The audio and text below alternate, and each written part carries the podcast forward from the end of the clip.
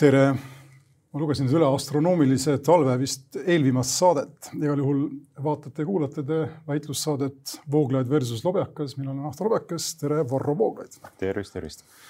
ja kevadiselt need asjad siin meil selles mõttes välja ei paista, et midagi head meil selles saates vist täna rääkida ei ole.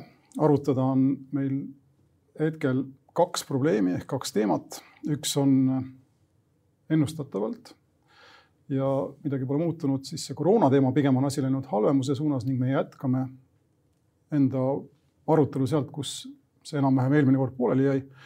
ja teiseks teemaks on siis meedia ja ütleme siis arvamusvabadus ja kõik selline, mis nüüd ka osaliselt seondub selle kriisiga. ehk me räägime siis valitsuse soovist kasutada erameediat oma sõnumite levitamiseks ning samuti sellest siis, et kuidagi on juhtunud niimoodi et valitsus üritab kriminaliseerida vihakõnet ajal, mil eriolukorra tingimustes või sisuliselt eriolukorra tingimustes muuhulgas on keelatud meeleavaldused, mis tõesti on veidikene pikantne situatsioon. see on äh, sinu poolt äh, nagu osutatud küsimus ja nüüd alustades sellest äh, koroona teemast.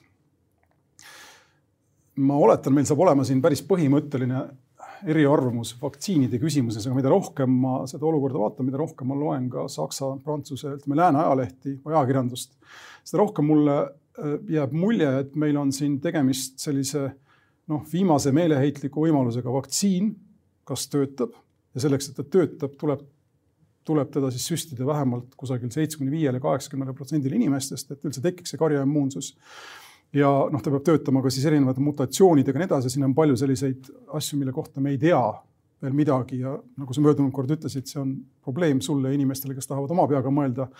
aga mina kipun seda meelt olema, et, et, et tegemist on sellise Hail Mary äh, passiga, nagu öeldakse ameerika inglise keeles, ehk siis selle viimase kolme punkti, viimase sekundi kolme punkti viskega, eks, mis tuleb ära teha, kui ta läheb, siis on kõik hästi, kui ta ei lähe, siis noh, vähemalt on tehtud. igal juhul muud varianti sellest, mis meil praegu mis nüüd praegu ümbritseb, välja tulla ma lihtsalt ei näe. kui vaktsiin ei peaks toimima sellisel, sellises ulatuses ja nii nagu enam-vähem arvatakse, siis ma näen ette järgmist viit kuni kümmet või jumal teab mitut aastat meid kandmas maske äh, iga kahe kuu, kolme kuu tagant sulgemas ostukeskuseid ja, ja noh, tegemas kõike seda, mida me oleme näinud viimase aasta jooksul, eks nüüd on kusjuures sel nädalal vist saanud täpselt aasta äh, sellest hetkest, mil Maailma Terviseorganisatsioon ametlikult kuulutas selle situatsiooni pandeemiaks no ega see ei ole muidugi üllatav, et sa mitte mingisugust muud võimalust ei näe, sellepärast et kui vaadata nagu üldist meediapilti, siis tehakse ju kõik endast olenev selleks, et inimesed ei näekski mingisugust muud võimalust, seda esitletakse juba pikemat aega ainukese lahendusena sellele asjale. ilma üleüldse küsimata isegi küsimus selle kohta, kas on olemas mingeid alternatiive ja kas see perspektiiv, mida meile pakutakse, on ainuvõimalik. mina arvan, et see on hüpotees, see ei ole fakt.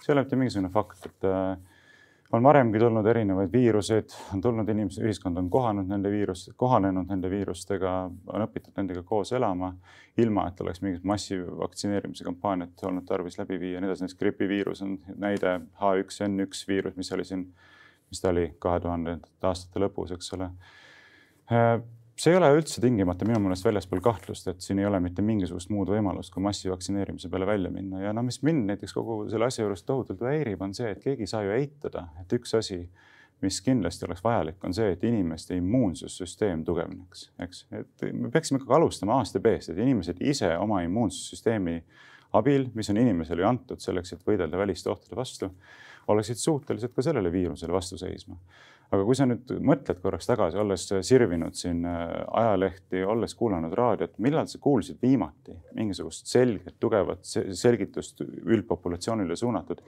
kuidas äh, hoolitseda selle eest, et sinu immuunsussüsteem oleks tugevam? Äh, tahad sa vastust ka? ja, ja kohe, kohe tahan küll, aga, aga me, küsimus ei ole see ainult vitamiinide söömises regulaarselt, eks ole, võib-olla ka inimeste varustamises tasuta vitamiinidega, et inimestel oleks see vabalt kättesaadav, on väga väike kulu võrreldes kõige sellega, mis siin praegu on tehtud. vaid ka näiteks selles, et teadvustada inimestele, et ülekaalulisus on üks peamisi riskitegureid äh, seonduvalt koroonaviirusega, see on fakt lihtsalt mitmekordistub oht sattuda haiglasse, juba haiglas olles mitmekordistub oht sattuda intensiivi, intensiivi sattudes mitmekordistub, ma praegu noh, mitmekordistub ütlen nagu laia, laia lastuga. Oht intensiivist väljuda jalad ees, eks, kui sellist väljendit kasutada.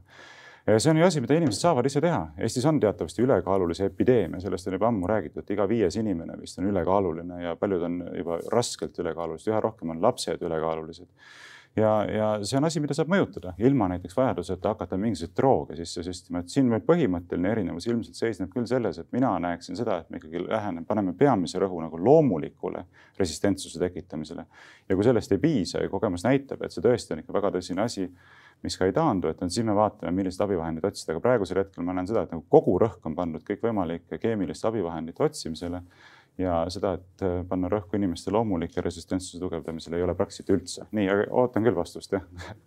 jah, kui ma tahaksin olla nüüd natuke lõuapooliks, siis ma ütleksin, et need ähm, see, mille vahele või see, millest ma praegu olen kombinatsiooni selles, mida sa ütled, meenutab mulle siis segu Aime sügisest ja Vanast Testamendist ehk siis. no mis mõttes?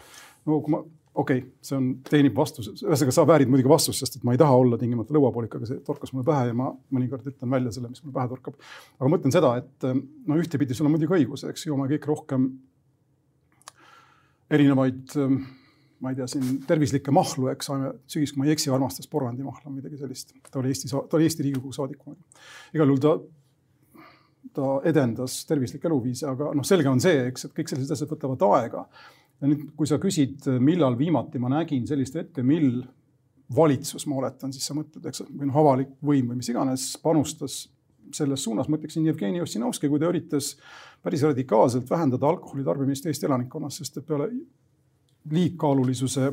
ma pakun, et alkoholi tarbimine on ehk isegi akuutsemalt probleem, mis siis puudutab inimeste tervise üldist seisukorda, eks meil on siin isegi alkoholisurmade arv, kui sa tahaksid selle välja võtta, siis see on hoopis teises mõõtkavas kui, kui kasvõi koroonasurmade arv, eks ja noh, sellest keegi ei hooli.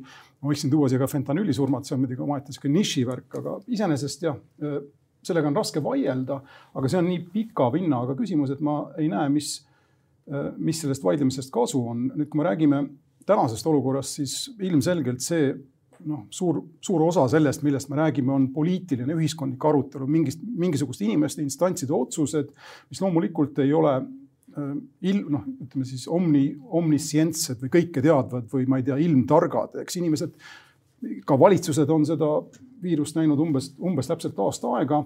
ka vaktsiinitootjad on katsetusi saanud teha ainult paar kuud, aga ma lihtsalt küsimuseks sulle vastu, ära kohe võib-olla vasta, aga ma panen selle nii-öelda üles, eks selle mõtte.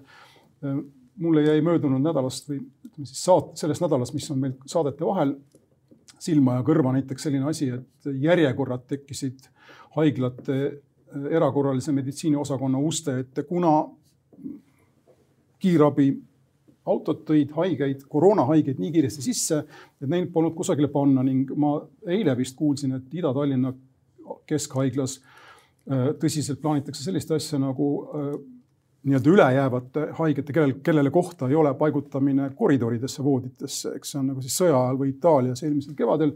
ühesõnaga surve ja meie... samal ajal me kuuleme uudist sellest, kuidas Lääne-Tallinna Keskhaiglas üks korrus on tühi, eks ole, sellepärast et seal on okay, toad aga... olemas, voodid on olemas, samal ajal meil räägitakse no, siingi... koridoridest, et ma ei tea, need sõnumid on oot, ka nii kuidagi segased. oota korraks, me jõuame siin ühe teise teemani, ma kindlasti võtan selle ka üles ja ma luban sulle, see on see küsimus sellest, miks äh, sina ja paljud inimesed, kes on skeptilised kõige selle suhtes, kipuvad selles, selles nägema äh, sellest, mis toimub, nägema mitte valitsuse või noh, ütleme ametnike loomulikku ebakompetentsust oludes, kus nad ei tea, mida teha, eks sa kipud selle asemel nägema mingisugust halba tahet või konspiratsiooni või mis iganes.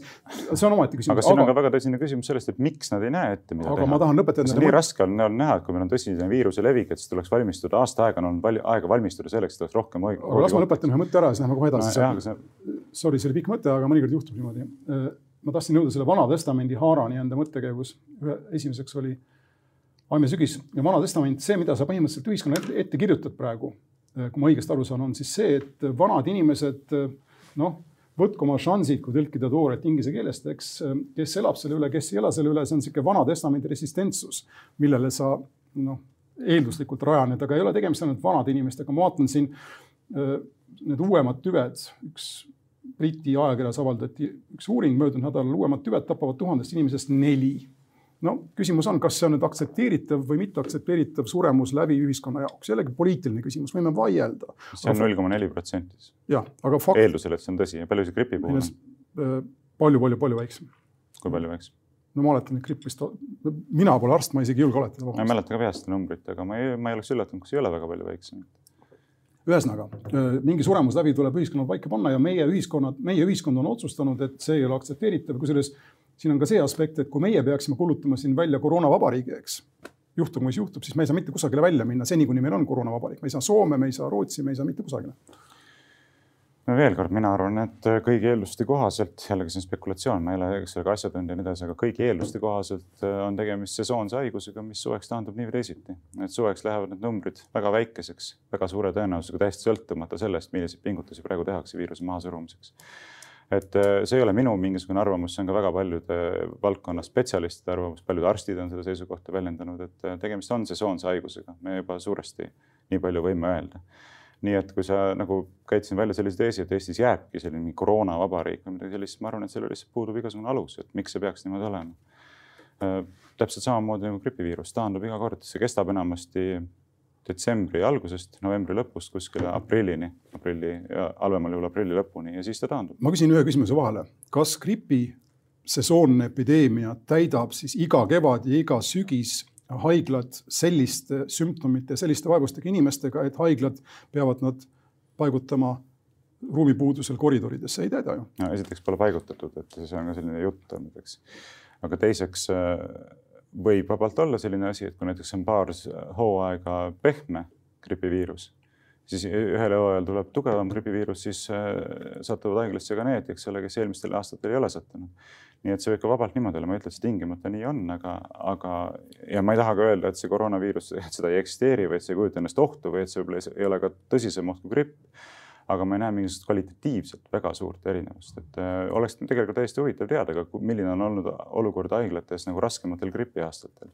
kas on olnud samasugune olukord, et haiglad on olnud ülekoormatud ja nii edasi, et kui palju nad on olnud ülekoormatud ja muidugi, kui me räägime haiglate ülekoormusest, siis mind huvitab ikkagi väga tõsiselt see küsimus, et aga miks on haiglad nii tõsiselt ülekoormatud? ma olen nagu pannud tähele, et sellele küsimusele ei taha eriti keegi vastata, sellepärast et siis peaks aktualiseeruma küsimus sellest, et kes selle eest vastutab. me maksame makse sellest, selleks, et peetakse üles üleval meditsiinisüsteemi. meditsiinisüsteemi ülesanne on tagada tervishoidu, eks tagada piisaval määral, piisava kvaliteediga tervishoiuteenuste pakkumine. nii, nüüd on inimesed, kes vastutavad selle eest Sotsiaalministeeriumis, inimesed, kes vastutavad sellest tervis Terviseametis, Haigekassas, haiglates. keegi on järelikult jätnud kuskil mingisuguse väga tõsise töö tegemata, kui meie meditsiinivõimekus, süsteemi võimekus on niivõrd väike, et natukene tavapärasest välja minnes äh, hakatakse kohe rääkima siin, et kohe-kohe on kõik kokku kukkumas. ja, ja ma saan aru, et eelmisel näiteks aastal oli see väike, sellepärast tõesti asi tuli nagu suhteliselt järsku, vähe oli aega reageerida, vähe oli aega teha ümberkorraldusi, ettevalmistusi ja nii edasi. hea küll, äh, oleme mõistvad.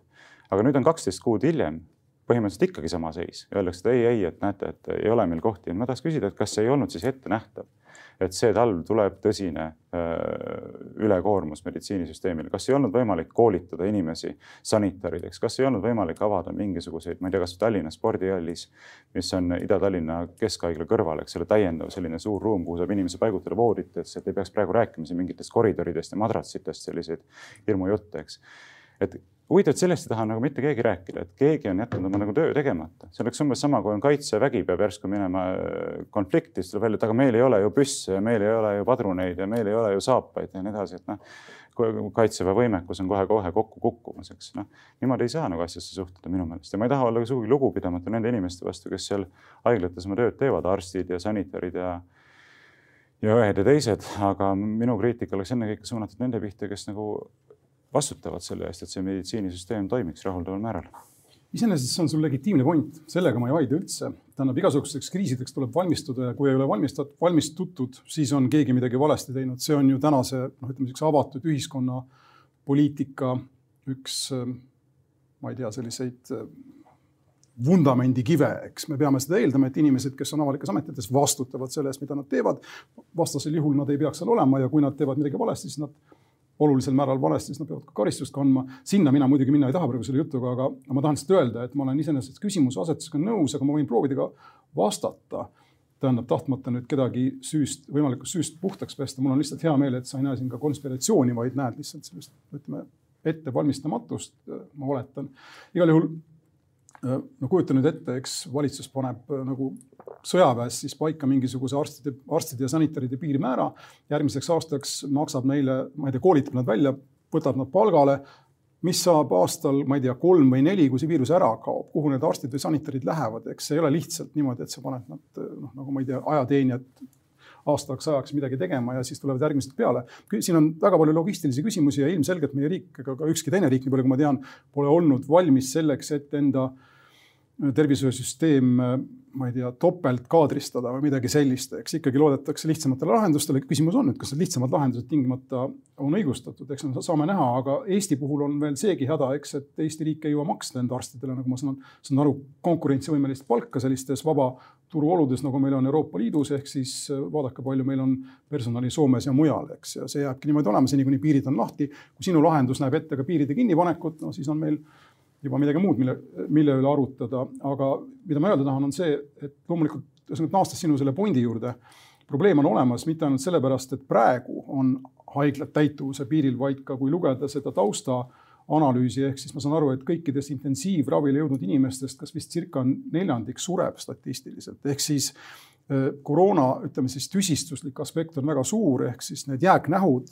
mis jäävad tõsiselt haiget olnud inimestele äh, kestma ja korduma, eks on, on, on väga tihedad ja nendega tuleb kuidagi tegeleda ja selles mõttes on jällegi õigustatud küsimus, kas meie, kas meie tervisesüsteem on selleks valmis, kas poliitikud on sellele mõelnud. Ja ma vaatan seda, kuidas Kaja Kallas peaministrina on nagu noh, paistab nagu jänesena autotulede vihus praegu, eks ma ei tea, mitu kuud ta on ametis olnud.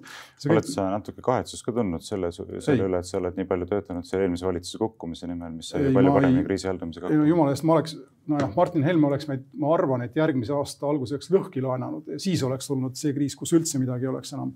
vähemalt ma kujutan ette, et Reformierakonnaga sellist asja ei juhtu, aga mida ma tahan öelda, on see, et Reformierakond ei võtnud seda asja ka piisava tõsidusega. tal läks aega mingi kaks või kolm kuud, et ennast käima saada ning nüüd siis, olles seda, selle koera saba raiunud jupikaupa, on hakatud tegema midagi, millega võib noh, enam-vähem nõus olla, aga siiamaani puudub meil, eks, vaktsineerimisprogramm, mis töötaks ja see on omaette küsimus, kes vastutab selle eest selle vabandust, bardaki eest, mis ma loen sotsiaalmeedias, toimub meil digiregistratuuriga, inimesed panevad ennast vaktsiiniks kirja, saavad kinnituse, prindivad selle välja, õhtul vaatavad, et nad ei ole kusagil kirjas, eks. see, kogu see süsteem vajab läbivaatamist, aga noh, kas praegu on selleks õige hetk ja võimalus? hilja. Jah, seda ma ei oska kommenteerida, ma ei ole sinna eriti süvenenud, aga kui me tuleme nagu põhimõttelisemate küsimuste juurde tagasi, siis mis mind teeb väga murelikuks ja millele ma arvan, et sina võiks ka rohkem tähelepanu pöörata, on see, et et kõikvõimalikud põhiõigused ja vabadused äh, on väga kerged kaduma. Neid on väga kerge nagu käest ära anda ühiskonnal ja harjuda selle uue normaalsusega, kus öeldakse, et neid noh, vabadusi ja põhiõigusi meil nagu enam ei olegi, eks. pretsedent on juba loodud, need on teilt ära võetud äh, mingisugusel ettekäändel, äh, mingisuguse väga suure ja tõsise ohu ettekäändel, mis nõuab seda. inimesed on need ära andnud ja aga teatavasti, ja teatavasti neid tagasi saada on väga-väga raske. aga ole täpsem, millest sa räägid praegu? no näiteks, aga võtame konkreetse näite, võtame näiteks väga tõsine oht, mis minu meelest peaks kangastuma üha rohkematele inimestele, on see, et me liigume samm-sammult sundvaktsineerimise poole. see on väga tõsine asi, sest on väga tõsine, väga oluline põhiõigus on isiku puutumatus, selle osaks on ka kehaline puutumatus, kus kõikvõimalikud abordi pooldajad on pidevalt ju väärtarvitanud seda loosungit my body, my choice, eks ju, et minu keha, minu valik. ja nüüd ühtäkki needsamad inimesed on väga varmad ütlema, et ei ole siin midagi, et ühiskondlikes huvides tuleb ikkagi inimesi kas otseselt allutada sundvaktsineerimisele või allutada nad sundvaktsineerimisele kaudselt. sa tahad selle nagu vaenukõne nüüd keelustada, selle vaktsineerimispropaganda või? ei, ma ei taha keelustada, ma ütlen, et see, see propaganda on lihtsalt mõistusvastane. ja, aga see reaalselt ja, ei ole me olukorras, kus reaalselt... inimesi sunnitakse ennast vaktsineerima, reaalselt me oleme olukorras, kus me oleme reaalselt olukorras, kus inimesed, kes tahavad ennast vaktsineerida, ei saa ennast Eesti riigi võimetuse tõttu vaktsineerida lasta. ja võib-olla me oleme kuu või paari pärast olukorras, kus saavad lasta ja siis öeldakse, et nüüd tuleb ennast lasta vaktsineerida no,. näiteks ma toon sulle hea näite, et äh, ma ei saa seda sulle vist praegu siin näidata, piisavalt suurelt ekraanile ka ei saa panna, aga minge ise vaadake Tööinspektsiooni kodulehel on pandud tööandjatele välja juhised, mis kannab pealkirja Covid-19 vaktsiin ja töösuhted ja siin on väga selgelt toodud välja, et mida siis teha, kui töötajad ei taha ennast vaktsineerida. ja ongi, töötaja ei soovi ennast vaktsineerida, siis ongi siin näidatud, et äh, püütakse leida mingisugust muud lahendust, et äh, enam-vähem veenda siis töötajat ümber. aga kui töötaja sellest hoolimata ei soovi ennast lasta vaktsineerida, siis tööandja ütleb töösuhte erakorraliselt töötajaga ülesse töökohale sobimatuse tõttu töölepingu seaduse paragrahv kaheksakümmend kaheksa lõige üks punkt kaks alusel. Ja, ja mida see ütleb, siis ma võin sulle ette lugeda. see kaheksakümmend kaheksa kannab pealkirja töölepingu erakorraline ülesütlemine tööandja poolt töötajast tuleneval põhjusel ja siis on öeldud, et tööandja võib töölepingu erakorraliselt üles öelda töötajast tuleneval põhjusel, mille tõttu ei saa mõlemapoolseid huve järgides eeldada töösuhte jätkamist, eelkõige kui töötaja, ja nüüd on see punkt kaks, ei ole pikka aega tulnud toime tööülesannete täitmisega ebapiisava tööoskuse, töökohale sobimatuse või kohanematuse tõttu, mis ei võimalda töösuhet jätkata. Sulgudes töövõime vähenemine. nii et Tööinspektsioon isegi tõlgendab siis äh, töötaja keeldumist enese vaktsineerida laskmisest olukorras, kus näiteks töötaja leiab, et ma ei vaja seda vaktsiini, see viirus ei kujuta minu suhtes endast mingisugust piisavalt tõsist ohtu, et ma peaksin laskma mingisuguseid eksperimentaalseid drooge endale sisse süstida. piisava põhjusena temaga töösuhte lõpetamiseks töötajast tuleneval põhjusel. ja, ja kui see ei ole nüüd põhimõtteliselt juba sundvaktsineerimine, siis mis siis on? Et ma rääkisin eelmisel nädalal näiteks ühe inimesega, kes töötab vanglasüsteemis ja tuli justiitsministeeriumist juba väga, väga tõsine kiri, et me näeme, et mitte kõik ei ole lasknud ennast vaktsineerida. et palume ikkagi seda teha. peagi võtame selle probleemi teravdatud tähelepanu alla ja hakkame sellele pöörama erilist tähelepanu. no mida see tähendab, eks? minule kangastub siit töölepingu seaduse või ma ei tea, seal mingi avaliku teenistuse seaduse mingisugune alternatiivne säte, eks. paragrahv kaheksakümmend kaheksa lõige üks punkt kaks, eks ja noh, see, see on, see on põhimõtteliselt on see sundvaktsineerimine juba, isegi avalikus teenistuses. ja ma ütlen, see on esimene samm, järgmine samm on siis see, eks ole, et meil on vaktsineerimispassid, sa ei saa reisida äh, ja nii edasi, et äh, ma mõtlesin ühte uudist vaadates, oli pealkiri selline, et vaktsineeritute tulevikueelised, mõttekriips, reisides ei pea tegema testi ega jääma karantiini, eks. Noh, pluss need töökohad ja muud asjad ja mis mulle siit kangastub, on see asi, mis sinule on ju palju muret tekitanud ehk rassism, eks, et kas me seisame silmitsi mingi teatava uut tüüpi rassismiga, et meil on nagu kaks eraldi nii-öelda jutumärkides rassi, on siis nagu selline puhas rass, kes on kenasti vaktsineeritud. ja siis meil on see räpane rass, kes on vaktsineerimata ja täiesti seaduslikult hakatakse siis rakendama nagu täiesti erinevat kohtlemist nendele inimestele, täiesti avalikult diskrimineeriv suhtumine, eks ole. see on sul jällegi, siin on päris mitu kindlasti legitiimset pointi ka ütleme sellises laiemas kontekstis. Äh, legitiimsed on nad kõik muidugi, aga ma mõtlen ütleme peavoolu kontekstis selles mõttes, et äh, Saksamaal ja mujal on siin kuude kaupa arutatud äh, küsimust jah, mis saab siis, kui vaktsineerimispassid või mingi selline teave muutub nii-öelda ametlikult kättesaadavaks ja ja, ja eraldatavaks ja selle alusel siis hakkavad osad inimesed või kellel need olemas on, need dokumendid reisida saama ja kus restoranis käia saama ja ma ei tea, kus veel.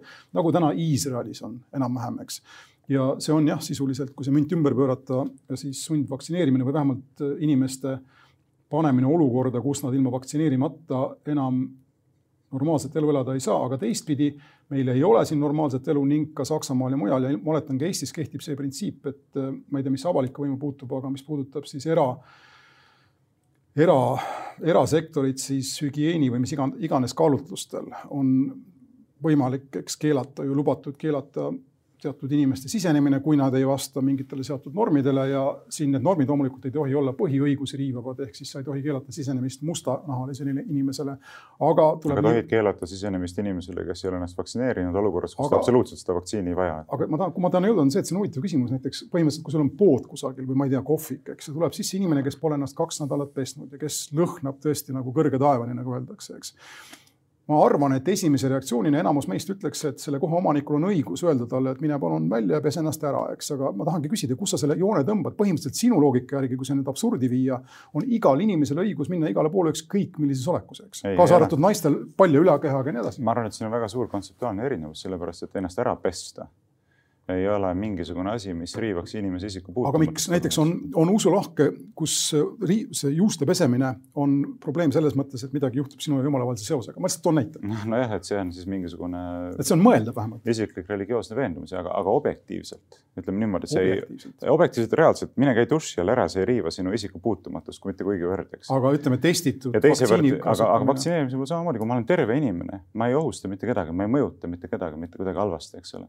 miks ma ei tohiks tohiks siseneda selles mõttes. aga siin on muidugi nüüd sinu. aga noh, sinu analoogiat kasutades ma võiksin jälle ütelda, et ma ei tea, kui tuleb naisterahvas liiga lühikese seelikuga, siis ütleme, eks ole, et, et, et sina ei tohi restorani tulla või liiga sügava dekolteega, et kas sa oled siis selle positsiooni pooldaja? ei no,, mina. millise positsiooni pooldaja sa oled? ma lihtsalt tahan asetada sellised eriolukorrad ja pandeemia situatsioonid väljaspoole, väljapoole selliseid kaalutlusi ja arutelusid. mingiks piiratud ajaks me kõik lepime sellega, et valitsusel on õigus kasutada, olgem ausaid siukseid morsipeolisi, kui ma tsiteerin sinu ühte sõpra, eks, morsipeo drakooniaga vahendeid, sundida inimesi maski kandma, teha lihtsamaks inimestele elu, kes on ennast vaktsineerinud. tegelikult mingit repressiivsust siin ei ole. sul on, sul oleks õigus sel juhul, kui me nüüd hakkaksime samm-sammult liikuma tõesti totalitarismi suunas. mina olin veendunud EKRE valitsuse tulekuga, et see asi algab, sina oled veendunud millegipärast nüüd vaktsiinidega no võib-olla, et meil on no, isegi teatav paralleel. sina, sina eksisid, aga seda, kas mina eksin, seda me veel näeme, eks ole, et. ja no kaks aastat läks mul aega, eks vähemalt kuni mul oli võimalik seda teooriat. Äh, no teooria kukkus juba ammu kokku, et mitte midagi olulist ei muutunud. tegelikult ma ise avasin selle ukse, ma ei taha sinna minna praegu, aga ma saan sinust selles mõttes aru, aga ma ei näe reaalset mehhanismi, mis maski kandmise kohustusest kasvataks välja äh, kohustuse marssida no. hanesammul, ma ei tea, mingeid pruune särke kandes, eks. aga ma lugesin sulle just ette näiteks sellesama Tööinspektsiooni juhised tööandjatele, minu meelest see on väga tõsine asi, sellele tuleks no. tähelepanu pöörata. õiguskantsler, juristkond, õigusteadlased eh, peaks pöörama sellele tähelepanu, siin on tegemist väga olulise põhiseadusliku õiguse riivega. selle kohta ma tsiteerin mälu järgi õiguskantslerit ja tal on kindlasti õigus nii-öelda käsku tuleb täita, aga see esimesel võimalusel anda õiguslikku, mis ta on järelevalve alla või mis, mis selle kohta öeldakse.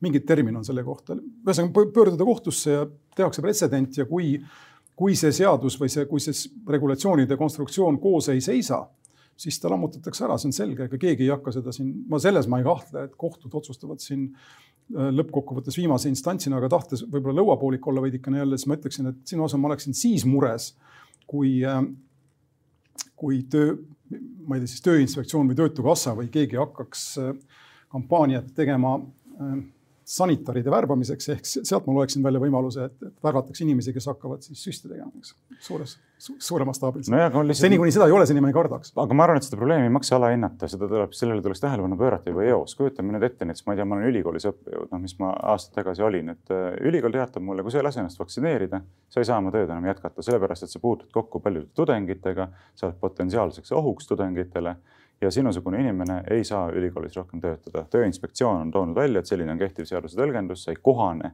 eks selle töökoha nõuetega ja me lõpetame sinuga töölepingu.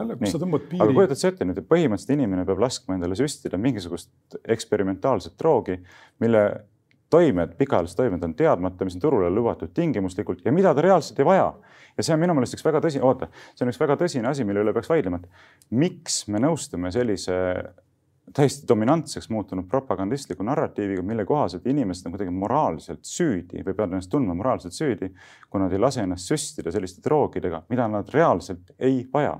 see on ka vaktsineerimise tavadega tegelikult täiesti vastuolus, nii palju kui mina olen aru saanud, et me nõuame enese vaktsineerida laskmist inimestelt, eh, kes ei vaja seda vaktsiini, vaktsiini. reaalselt neil, nende suhtes see oht ei kujuta endast reaalset ohtu, noored inimesed näiteks, nii ja, ja see ei ole kuidagi okei okay., minu meelest selline survestamine ja sellise moraalse süü tekitamine on täiesti vale. seda enam, et need inimesed võivad olla väga hästi oma tervise eest hoolt kandnud, teevad sporti, hoiavad ennast füüsilises vormis, söövad tervislikult, eks, ei suitseta, ei tarvita liigselt alkoholi. ja siis selleks, et need inimesed, kes suitsetavad, tarvitavad liigselt alkoholi, on tüsedad niimoodi üle rasvunud kakskümmend, nelikümmend, viiskümmend kilogrammi, tunneksid ennast natuke turvalisemalt, peavad nemad laskma endale mingisuguseid eksperimentaalseid drooge süstida. Sorry, ma ei kavatse mitte kunagi sellist narratiivi omaks võtta seda aktsepteerida. ma tunnen siit, siit ära Robert Nozick, kes ähm, kaheksakümnendate aastate keskel avaldas äh, sellise anarholiberaalse, äh, libertaarse, poliitilis-filosoofilise niisuguse äh, noh, fundamenta-, fundamentalistliku teose. ja ma soovitan sul võib-olla isegi lugeda teda, sest et mitte esimest korda ma näen teatavat olen omal ajal lugenud okay,. Kokku, katkeid vähemalt. kokkupuutepunkt, ütleme siis äärmuskonservatismi ja sellise peaaegu et anarhilise libertaarsuse vahel on täiesti olemas. ta siis tsentreerub üksikisiku inimeste, üksikisiku õiguste absolutiseerimisele sellises huvitavas kontekstis ehk siis äraspidiselt, äh, mitte tingimata noh, positiivselt, vaid pigem siis negatiivselt, aga võib-olla me räägime üldse siin asjadest, millest me jälle midagi ei tea, sest ma tahan, ma ei tea, kas sina tead sellest midagi, aga äh, vaktsineerimised puudutavad meil ju siin ka rida muid haigusi, välja juuritud haigusi, millest ma olen ka varem rääkinud, eks, ja lihtsalt mul tekib küsimus, kas inimesed näiteks, kas ütleme, ülikoolid enda loengupidajatele seavad mingeid tingimusi, ma kardan, et nad seavad teatud piirides selle osas, et kas nad on, kas nood on näiteks vaktsineeritud noh, mingi mingisuguste veel mitte päris ära kadunud haiguste vastu, mille vastu ühiskond eeldab, et nad on vaktsineeritud, aga võib-olla mõni ei viitsi ja noh, mis, mis sellises olukorras juhtuks. kui ma näiteks ütleksin ametlikult välja, olles ka ütleme ülikoolis lektor, et mul ei ole läkaköha või millegi sarnase leetrite või ma ei tea, mumpsi vastast vaktsiini, ma oletan, et mind ei lastaks sinna saali seni, kuni ma selle vaktsiini saaksin. ja ma olen kindel, et see on täna kuidagi reguleeritud ja ma olen kindel, et seda on ka kohtus proovitud. Ma selles nii kindel ei oleks. aga, aga noh, mida ma omalt poolt mainiksin veel ära, enne kui läheme vist järgmise teema juurde, on see, et minu meelest paljuski see mure nüüd inimeste tervise pärast, mis on ilmnenud, on ka selles mõttes väga silmakirjalik. me oleme sellest varem rääkinud et varem ma ei ole küll näinud, et inimeste elu ja tervis inimestel nii väga korda läheks. noh, abort on tüüpiline näide, eks, et äh, kolm tuhat last ennem sündi hävitatakse Eestis ära valitsuse rahalisel toel. Mitte kedagi ei huvita, et inimelusid hävitatakse, reaalsed inimesed, eks ole, mul just sündis väike poeg, tean väga hästi, milline näeb vastsündinu välja. Ema ihus, ema, ema ihust väljaspool. Äh, on reaalsed inimesed, me kõik olime selles arengufaasis kunagi, tapetakse ära, valitsus maksab selle kinni, mitte mingit muret inimelude pärast ei ole. ja nüüd, eks ole, selle Covidiga seonduvalt, et kui sina ei lase ennast vaktsineerida vaktsiiniga, mida sa üldse ei vaja, et siis sa ei pea lugu inimeludest, teil ei ole mitte mingisugust autoriteeti rääkida siin austusest inimelude vastu. Või siis ma ei tea, südame-veresoonkonna haigused, eks. viiendik rahvast on rasvunud niimoodi ja, ja mitte midagi ei ole tehtud selleks, et ma ei tea, keelata ära näiteks äh, mingi ülisuure suhkrusisaldusega karastusjookide müümine koolides ja igal pool lastele ja nii edasi. samamoodi on ka lapsed ei tohi osta alkohoolseid jooke, nad tegelikult ei tohiks ka neid asju juua olukorras, kus me näeme, et see on epideemiline, eks noorte rasvumine on epideemiline. Või noh, muud asjad, ma ei tea, näiteks vähkkasvad, millest sureneb tuhandeid inimesi aastas. ei näe, et keegi teeks probleemi sellest, et põllud külvatakse üle igasuguste kemikaalidega, eks, mis äh, tõendatusti on seotud vähkkasvajate leviku ja muu sellisega, et see noh, neid asju peaks siis vaatama kontekstis tervikuna, aga ma lõpetan oma brändi siin ära. see on väga point sellega ma olen, selle lõpuga ma olen kõigega nõus, aga niipea kui asi läheb meil siin abordi käsitteluni, siis ma ei saa jätta märkimata, et ometi oled sina selle maailmavaate või usu esindaja, mille siis põhidokumendis, eks on meil väga kuulus episood sellest, kuidas isa, vabandust, kujuteldava ülemuse või sõbra käsul viib enda poja mäele, et ära tappa eks ühesõnaga vanemlik nii-öelda oma, laps on vanema omand seni, kuni ta saab täiskasvanuks ja kusjuures naiste puhul ta ei saanudki isa omandist välja, enne kui ta sai abikaasa omandiks, eks kuidas, ma ei tea, kuidas sa sellega hakkama saad, aga noh, võib-olla, et meil ei ole aega seda arutada. Ja me võime seda eraldi arutada, aga see, praegu me räägime meditsiinisüsteemi ja propaganda puudustest, mitte Vana Testamendi tõlgendusest et.... ma rääkisin tapmisest, aga no ükskõik. igal juhul teeme väikse vahe ja tuleme tagasi uue teemaga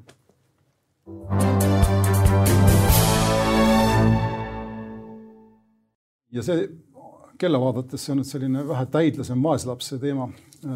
palju meil aega ei ole, aga rohkem kui kümme minutit, midagi me öelda jõuame. tegemist on siis üldisemalt selle kokkupuutepinnaga tänase häda või eriolukorra vahel ning, ning siis selle vahel, noh, mida valitsus on ette võtmas või ei ole ette võtmas ja keskendub see asi siis kahele nüansile, mida ma alguses siin mainisin. esiteks valitsuse plaan erameediat kuidagi panna oma kampaania sundida oma või ma ei tea, palgata oma kampaania teenistusse ning teine küsimus puudutab siis seda jah, pikantset situatsiooni, et ühe käega keelustades või kriminaliseerides vihakõnet eh, on valitsus meil kehtestanud olukorra, kus meeleavaldused on sisuliselt ära keelatud ja sul on selles mõttes õigus, demokraatia nii nagu ta peaks toimima, toimida ei saa. ja ma arvan, et siin on nüüd küll üks koht, kus me võiksime nõustuda, et äh, et vähim, mida valitsus peaks selles olukorras tegema, kus ta on kehtestanud meeleavalduste korraldamise keelu sisuliselt, eks noh, kümnekesi võib teha, see ei ole mingi meeleavaldus, eks. Ta peaks andma avaliku lubaduse, et mitte poolt sammugi ei astuta edasi äh, niinimetatud vaenukõne kriminaliseerimisega, mis kujutab endast sõnavabaduse väga ulatuslikku piiramist enne, kui see meeleavalduste keeld on tühistatud, eks. sest vastasel juhul tekib selline olukord, kus meil ühelt poolt valitsus, nagu sa ütlesid, üritab sõnavabadust maha suruda, tegemist on. ma ei öelnud, et maha suruda. sina ei öelnud jah, ütleb, teeb seda, aga ma tahtsin just öelda siia lisa, lisaks selgituseks, et tegemist on väga ulatusliku sõnavabaduse piiramisega, mida võib vabalt nimetada mahasurumiseks. ühtegi teist võrreldavat sammu Eesti Vabariigi taasiseseisvunud ajaloos ei ole ette näidata, kus oleks sõnavabadust nii ulatuslikult piirama asutud. ja teiselt poolt seesama valitsus ise kehtestab meeleavalduste keelu, et see on diktatuurilise režiimi käitumine. ja sellest on tegelikult täna väga paslik rääkida, sellepärast et kaheteistkümnes märts on täna teatavasti tuhat üheksasada kolmkümmend neli. tänasel päeval toimus Eestis diktatuuriline riigipööre sellega ma olen nõus. jah, Pätsu, Laidoneri ja Rei juhtimisel teatavasti seati sisse autoritaarne režiim kuueks aastaks ennem okupatsiooni algust. ja sellele vabandust, kriminaalsele isikule pannakse Tallinnas varsti püsti püst. jah, see on äh, väga problemaatiline olukord, seda enam, et vabadussõjalased ei ole rehabiliteeritud ja nii edasi aga, aga, aga paralleelid on ilmselged, toona ka seati sisse vaikiv ajastu ja samamoodi ma ei oleks üllatunud, ma peast ei mäleta, aga ma ei oleks üllatunud, kui oli sisse seatud ka poliitiliste meeleavalduste keeld, eks. nii et. no kui parteisid ei olnud, ei saanud. jah, jah, isegi parteide tegevus peatati, eks nii et, äh, et nii need asjad käia ei tohiks, et on kaks varianti, kas valitsus peaks ütlema, et ei, et poliitiliste meeleavalduste keeldu me tegelikult ikkagi ei kehtesta, et sellega me pingutasime üle, see on tegelikult demokraatliku ühiskonna seisukohast niivõrd oluline põhiõigus, seda ei tohi nii kergekäeliselt piirata välitingimustes, eks ole, mis nakatumisest me saame seal eriti üldse rääkida. seda enam, et tavaliselt need meeleavaldused ikka mõnisada inimest, mitte nagu Tartu maraton siin viis tuhat. ja teiseks äh, teiseks variandiks on siis see tõesti, et annad siis avaliku lubaduse, et me ei tee mitte midagi sellist, et põhiõigusi piirata sel ajal, kui need piirangud kehtivad. minu meelest see on nii ilmselge, et siin ei ole isegi mitte midagi rääkida, meedia peaks ka seda nõudma. kusjuures ma olen sinuga nõus, aga veidikene teisel tasandil, kui, kui see hetke arutelu tasand, ma üritan veidikene üldistada, ma olen põhimõtteliselt, minu vaade ammu Eesti riigile pro, probleemne vaade, ma saan aru, on olnud selline, et me ükskõik kui targad selle riigi taasloojad ja nüüd valitsejad ka võivad olla, keegi neist praktiliselt, ma ei ole kedagi näinud, kes suudaks need asjad lõpuni põhimõteteni läbi mõelda ja siis kas tunnistada lahendamatut vastuolu mingi konflikti korral või see konflikt ära lahendada. üldiselt eelistatakse nendest asjadest lihtsalt mitte piisavalt mõelda või siis silmad sulgeda ja põhimõtteliselt meil on selline, kui ma nüüd kokku võtaksin kolumnistlikult selle, mida ma näen, siis meil on selline Tšehhovi püsside ühiskond, meil on seinal need püssid, eks, mis pannakse, ühesõnaga seinale pannakse püssid juhuseks või olukorraks, kui neid läheb vaja, igaks juhuks tehakse need asjad ära. see vaenukõne on teatud mõttes või vihakõne, ma olen sinuga nõus, on teatud mõttes üks nendest püssidest. on see Tšehhov või kellel on see Maksim, eks, et kui on esimeses vaatuses on püss seinal, siis tuleb ta neljandaks vaatuseks ära kasutada. igal juhul pannakse nad sinna valmis. vihakõne pannakse valmis selleks, et meil ei oleks probleeme Brüsseliga. siin on sul õigus ja sellega ma üldse ei vaidle, ma arvan, et Brüsseliga meil tegelikult probleeme olla ei tohikski, aga, aga ekvivalent on olemas. meil on streigikeeld, asi, mis lasti läbi minule täiesti mõistetamatult ja mis meil kehtib, millest ma aru ei saa kaasa olla, see on selleks, et ettevõtlus õilmitseks, eks see on ettevõtluse seinal see püss. ja nüüd on meil jah, meil on ka selline ajaloosein, kus meil on siis põhiseaduse preambul ehk siis kõik, mis puudutab rahvuse, rahvusriigi ja rahvuskeele ja rahvuskultuuri säilimist ja mingu see vastuolu millega tahes, see sein peab meil olema, sest et hirm on, eks, et võetakse jälle ära.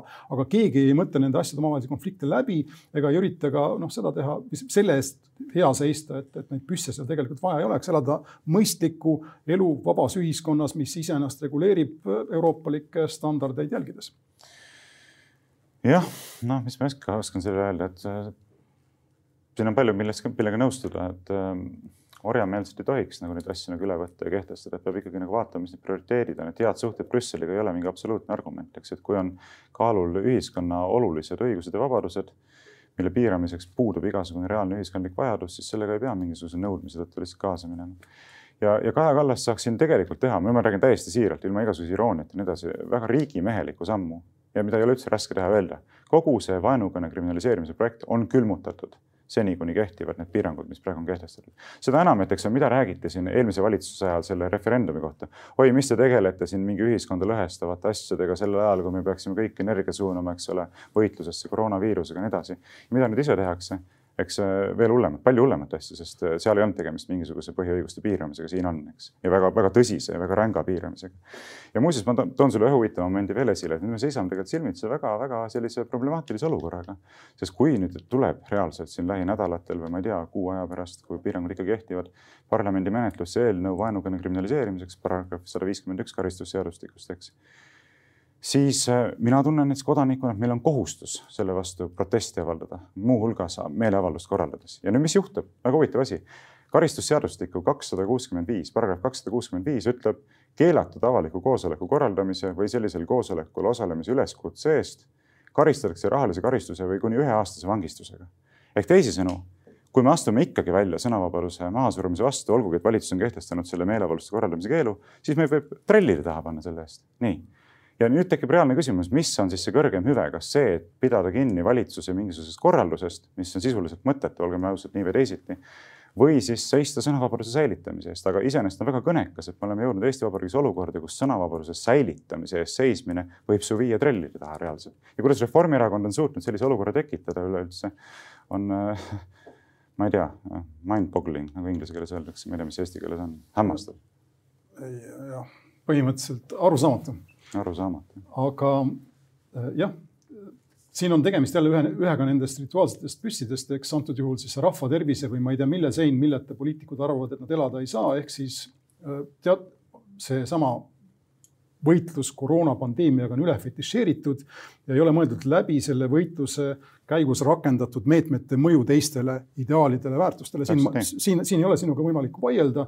mina soovitaksin sulle teha seda selles olukorras, mida kunagi tegi Kaur Kender küll hoopis teistsuguses olukorras, aga testides ka kahe või kolme või erineva ristuva printsiibi siis konflikti, kirjutas midagi, mis oli noh, enamusele Eesti inimestest või üldse enamusel inimestest võib-olla loetamatu ja vastuvõetamatu, aga tõestas ära selle, et kirjanikutegelased on vabad. samamoodi äh, sinu probleemi puhul, kui sa usud, et see vihakõne äh, seadus või mis iganes on äh, midagi põhimõttelist, siis sul peab olema vabadus minna välja tänavale ja enda meelt avaldada. ja lähemegi. ja ma võin siin eetris kohe ära öelda, et lähemegi ja siis, kui Eesti Vabariik hakkab meid represseerima selle eest, et noh, siis see saab olema väga huvitav nagu näide või väga selge näide sellest, et mis, milliseks monstrumiks meie riigivõim on nagu muteerunud. ma nagu... pigem arvan, et sa lähed kohtusse, sa võidad kohtus selle case'i lõpuks, aga inimesed on kannatanud mõttetult, näinud vaeva ja selleks, et õpetada lihtsalt mingi elementaarne, anda riigivõimule elementaarne õppetund, millest too peaks ise aru saama, kui ta on vabariigi juht. noh, kui võiks ilmagi sellest aru saada. ma olen nõus. oleks ju palju tsiviliseeritum ja nagu. ma arvan, et see on täiesti mittevajalik ja ma arvan, et isegi sellesama, mis iganes regulatsioonid praegu keelavad ära rahvakogunemised, ka sinna on võimalik teha parandused, eks, et eriti tähtsate seaduseelnõude arut-, arutamise puhul näiteks tehakse erand. mul ükskõik, väike riik ikka saab hakkama. aga noh, üleskutse on tehtud peaministrile, vaatame, kas ta reageerib või ei reageeri sellele kuidagipidi aga me pidime rääkima paari sõnaga, ega meil aega eriti ei ole, ka sellest, et mis Kaja Kallas, kellest juba juttu oli siin või noh, kellele see üleskutse vähemalt suunatud, ütles viimati pressikonverentsil. Ja siin on mul üks pealkiri välja toodud Delfist, et Kaja Kallas plaanib koroonavastasesse võitlusesse kaasata erameediat suur osa inimesi saavad oma info just erameediast ja ma tsiteerin. soovime loomulikult erameediat kaasata ja kaasamegi, meil tuleb ka vaktsineerimise kampaania, et positiivseid sõnumeid levitada. samuti see, mis puudutab praeguseid piiranguid ja mis puudutab inimeste käitumisjuhiseid. nii tähendab, ma ütlen hästi-hästi lühidalt oma kommentaari selle kohta ära, et see on teema, mille juurde tasuks lähemalt tulla, see on teema, ka teised inimesed võiksid lähemalt kommenteerida, sellepärast et siin on väga tõsine probleem minu hinnangul meedia usaldusväärsusega. kui meedia hakkab valitsuselt raha, võtab vastu valitsuselt raha selleks, et propageerida vaktsiine, siis tegelikult minetab meedia selles küsimuses täielikult oma usaldusväärsuse, sest me ei tea, kas seda propageeritakse nagu siirast usust selle kohta, et see on vajalik või lihtsalt sellepärast, et selleks on saadud raha ja tehakse sellist tellimustööd. et kui me räägime meedia sõltumatusest ja kui meedia tahab oma sõltumatust tõsiselt võtta, siis minu meelest küll ei tohiks niimoodi käituda, et hakata raha võtma valitsuselt vastu selleks, et propageerida mingisuguste meditsiinikorporatsioonide produktide massilist äh, turustamist no mulle jääb hämaraks see, kas tegemist on kampaaniaga panna ajakirjanikud teistmoodi kirjutama või siis mingisuguse noh, piiritletud mahus ja piiritletud raamides nii-öelda riigireklaami väljapanemisega lehtedes, kus on siis juures see tekst, eks, et tegemist on ametliku teadaande või midagi muu sarnasega. kui, kui viimane on, kui tegemist on viimasega, siis ma nagu suurt probleemi ei näe, ettevõtted avaldavad reklaami riik avald- või valitsus avaldab reklaami, parteid avaldavad reklaami, eks selle eest makstakse ja see on osa, osa ju sellest, mille pealt äh, erameedia elab. no sisuliselt on muidugi tegemist ka varjatud riikliku toetusega erameediale.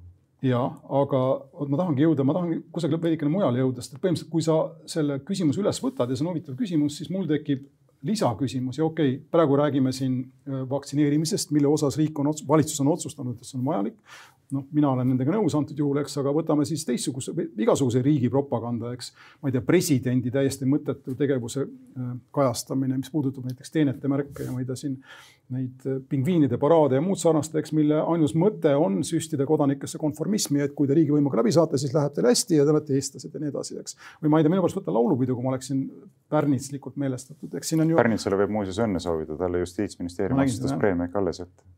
No vaja oli teist valitsust ja selles, selles mõttes ma tunnustan selle praeguse valitsuse tegevust, aga mida ma öelda tahan, on see, et see riigi reklaam, riigi propaganda kui selline meedias on palju suurem teema kui ainult vaktsiinid ja noh, karta on, et meie ei jõua seda läbi rääkida ja karta on, et see kedagi Eestis ka eriti ei huvita, sest et see on osa meie reaalsusest, eks, et meil on väike riik ja me kõik kuulume kokku ja valitsus meid esindab ja president eriti ja, ja, ja neid on vaja kuulata, eks nojah, aga mina tean, et meil on aeg otseselt omalt poolt lihtsalt kaks lauset, et esiteks ma kutsuksin meediat üles avalikustama ka seda, kas juba praegu tehakse valitsusega mingisugust rahalist äh, kompensatsiooni kätkevat koostööd selleks, et mingisuguseid sõnumeid edastada, ilma et avalikkus teaks, et seda tehakse, eks ole, erinevates sõnumites. ja teine asi, millele muidugi tähelepanu juhiksin, on see, et tuletage meelde, et eelnevalt on juhtunud olukordi, kus on propageeritud vaktsiine, mis on pärast osutunud ka ikkagi inimestele tõsist kahju tegevaks. näiteks Soomes on ju täiesti tõendatult valitsus maksnud ka kompensatsiooni paljudele inimestele, noortele inimestele, kellele selle seagripi vastane vaktsiin tekitas narkolepsiat. nii et kui praegu täiesti kriitikavabalt valitsuselt raha vastu võttes hakata vaktsiine propageerima, siis tegelikult peaks tunnetama ka seda vastutust pärast, kui tekivad tõsised pikaajalised toimed inimestel, mis on reaalne väga tõsine kahju. ma lugesin seda Saksa ülevaadet sellest ja vist siiamaani ei ole praktiliselt kinnitust, välja arvatud mingid vere, vere koaguleerimise juhtumid, et, et, et koroonavaktsiinist oleks tekkinud mingisuguseid tõestatavaid tüsistusi, aga noh, see argument muidugi ka, et tehakse miljoneid ja võib-olla paarkümmend on probleemid. mitmed tootjad on vist aga... öelnud, et te, te, ei ole teada näiteks mõju naiste ja. viljakusele. No, naised lapsi ei saa, et nad siis. selge on see, et see on lõpuni uurimata, kuna aega pole, aga ma tahaksin ka seda öelda, et kui sa nõuad siin rahastamise avalikustamist, siis sa vist loobid kividega elades klaasist majas, aga noh. ei ole, sest me räägime valitsuse avaliku raha kasutamisest, mitte era, eraisikute toetust. ma ei räägi siin sellest, et ma, oleks muidugi väga tore, kui meedia oma reklaamiandjad ka suuremad reklaamiandjad avalikustaks, kui nad nõuavad näiteks Upskill toetajate avalikustamist. aga kui me räägime riikliku toetusest, riiklikest tellimustest, siis see oleks igati õiglane, see täiesti teine asi. Nonii, aga sellega saab meil nüüd ruum otsa aegruumis, aeg otsa aegruumis ja kuulasite väitlussaadet Vooglaid versus Lobjakas tänan teid selle eest ja loodame kohtuda järgmisel reedel. kohtumiseni.